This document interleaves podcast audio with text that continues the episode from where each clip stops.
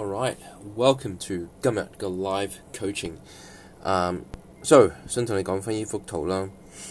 然后你見到之前我都講咗，我哋一個星期做兩個 cardio。OK，原因就係加強個 TDEE，唔係代表話你自己會令到你自己個肚腩冇咗啦。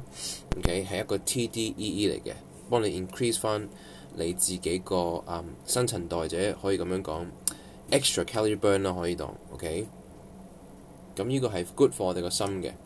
第二，如果我哋媽媽係要見到有線條，right 啊靚個身形，OK，你係想加強個新陳代謝，咁就係要練 weight up。